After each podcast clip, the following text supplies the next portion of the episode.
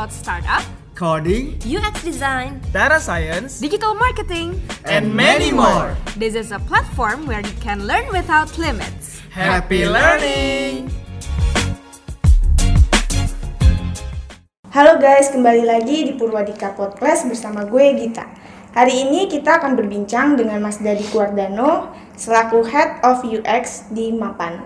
Halo Mas Dadi, apa kabar Mas? Halo. Uh, gimana nih Mas kesibukannya saat ini? Uh, kesibukan saat ini sekarang agak lumayan banyak ya, karena kalau kita ngomongin Mapan sendiri, Mapan lagi di direction baru gitu kayak bisnis modelnya juga berubah dan segala macam jadi banyak hal goals goals sama project-project baru yang akan masuk di dan keluar di 2020 ke depannya ini. Hmm, kalau boleh tahu, Mas Dadi sendiri udah berapa lama di Mapan? Nah kebetulan uh, masih cukup baru. Aku gabung Mapan itu dari Januari akhir uh, dan sekarang sih udah setahun sih harusnya. Sekitar setahun ya. ya? Uh.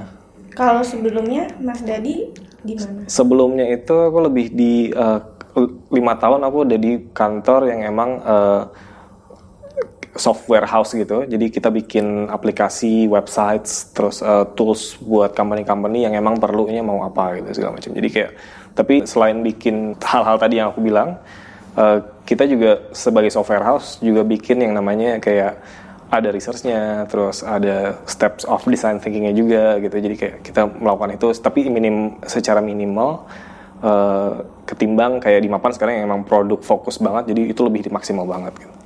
Berarti sebagai head of UX di Mapan sendiri, apa sih yang biasanya sehari-hari dikerjakan sama Mas Dani?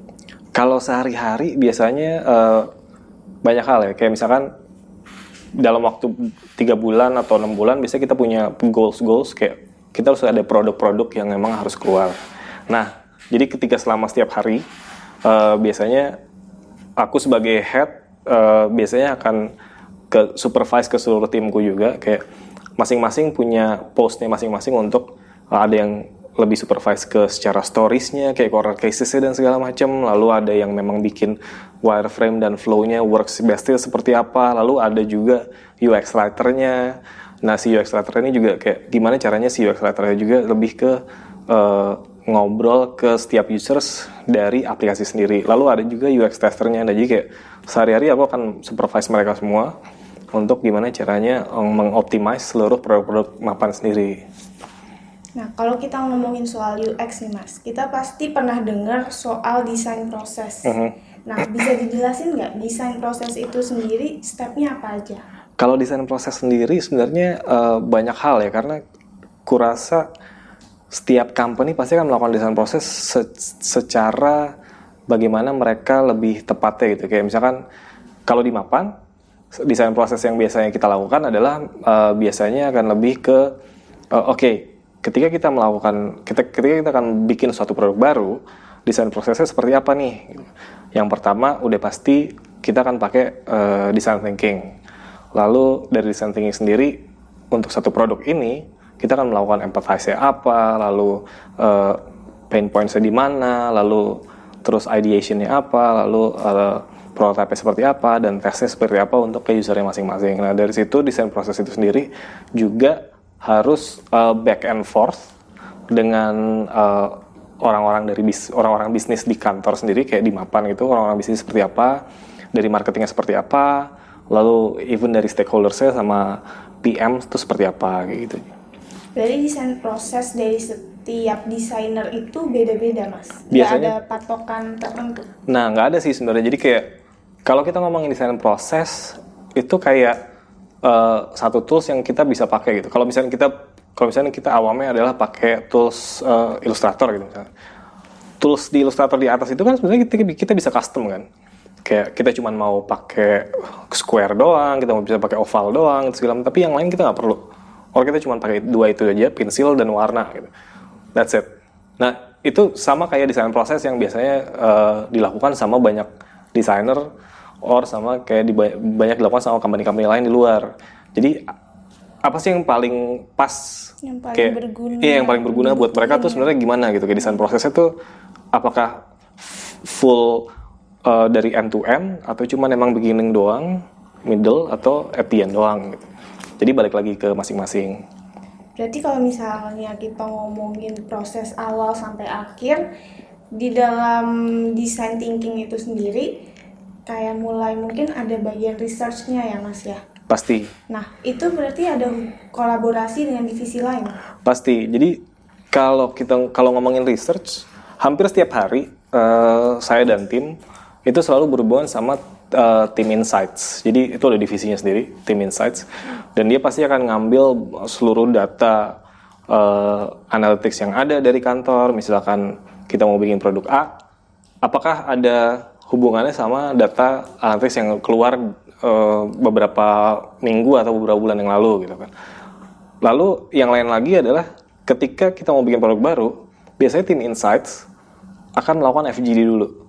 Jadi kalau biasanya yang tim saya dan tim lakukan adalah biasanya user ya usability testing, which is kita udah bikin prototype-nya, lalu kita bikin corner cases-nya, kita bikin discussion guidelines-nya buat gimana caranya uh, user kita perceive flow yang udah kita bikin kayak gitu.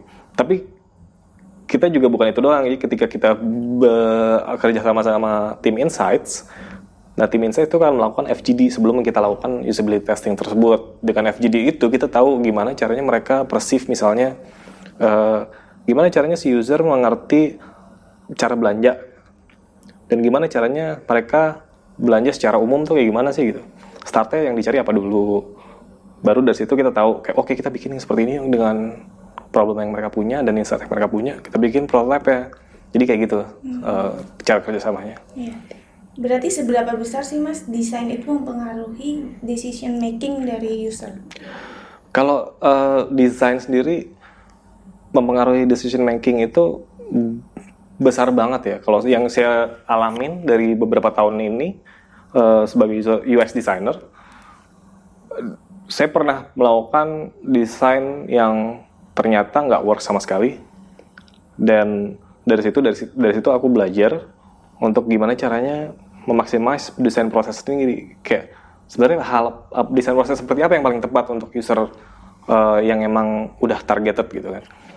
Nah uh, pasti decision making sendiri buat si user akan jadi terbantu banget uh, karena kita tahu kadang-kadang ada user yang impulsif, ada yang memang user target based, ada user yang memang eh, sangat-sangat uh, baru dan gimana cara kita men mendirect mereka untuk melakukan apa yang kita mau dari sisi bisnis dan dari sisi experience sendiri. Jadi dari situ desain proses akan benar-benar mengaruhi decision making mereka. Tapi asal uh, problemnya kita tahu tepat apa yang menjadi problem mereka dan solvingnya itu apa gitu. Nah, biasanya tools apa aja sih Mas yang dipakai sama Mapan atau kebanyakan perusahaan Indonesia? Hmm, kalau perusahaan Indonesia, let's say kalau perusahaan-perusahaan startup yang udah gede sekarang ya, yeah. kalau untuk desain, untuk UX designer apalagi, uh, mereka biasanya kan pakai Sketch. Sketch. Sketch itu untuk desain wireframe lah segala macam dan dan lain-lain gitu kan. Or even untuk user interface ya gitu. Lalu uh, Saya sendiri pakai Sketch dari 2014. Waktu itu belum banyak yang pakai Sketch kalau nggak salah. Tapi sekarang kayak itu udah kayak tools uh, standar buat UX designer untuk pakai Sketch. Lalu tools lain adalah uh, Abstract. Jadi Abstract tuh kayak kalau kalau pada tahu GitHub. GitHub ya. Nah, GitHub itu buat uh, programmers, engineers dan segala macam itu kayak mereka udah bisa cari tahu oh gue bisa ambil di sini dan segala macam. Tapi kalau abstrak itu kayak lebih ke internal dan designers.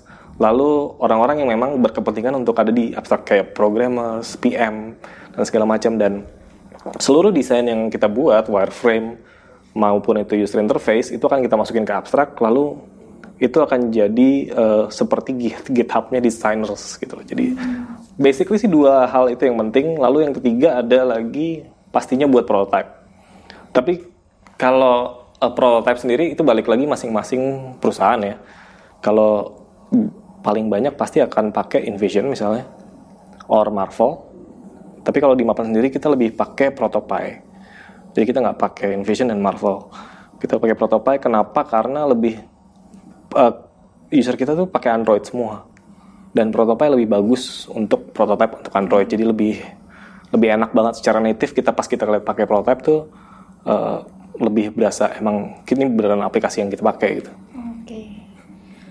Oke, terima kasih Mas Dadi Sama-sama, kesempatannya pada kali ini. Semoga sukses terus di karirnya Amin. di Mapan. Thank you. Sekian podcast kita kali ini. Sampai bertemu di episode berikutnya. Bye. Bye. Thank you for listening Purwadika Podcast. Don't forget to follow to keep up with our upcoming episodes. See you and have a great day.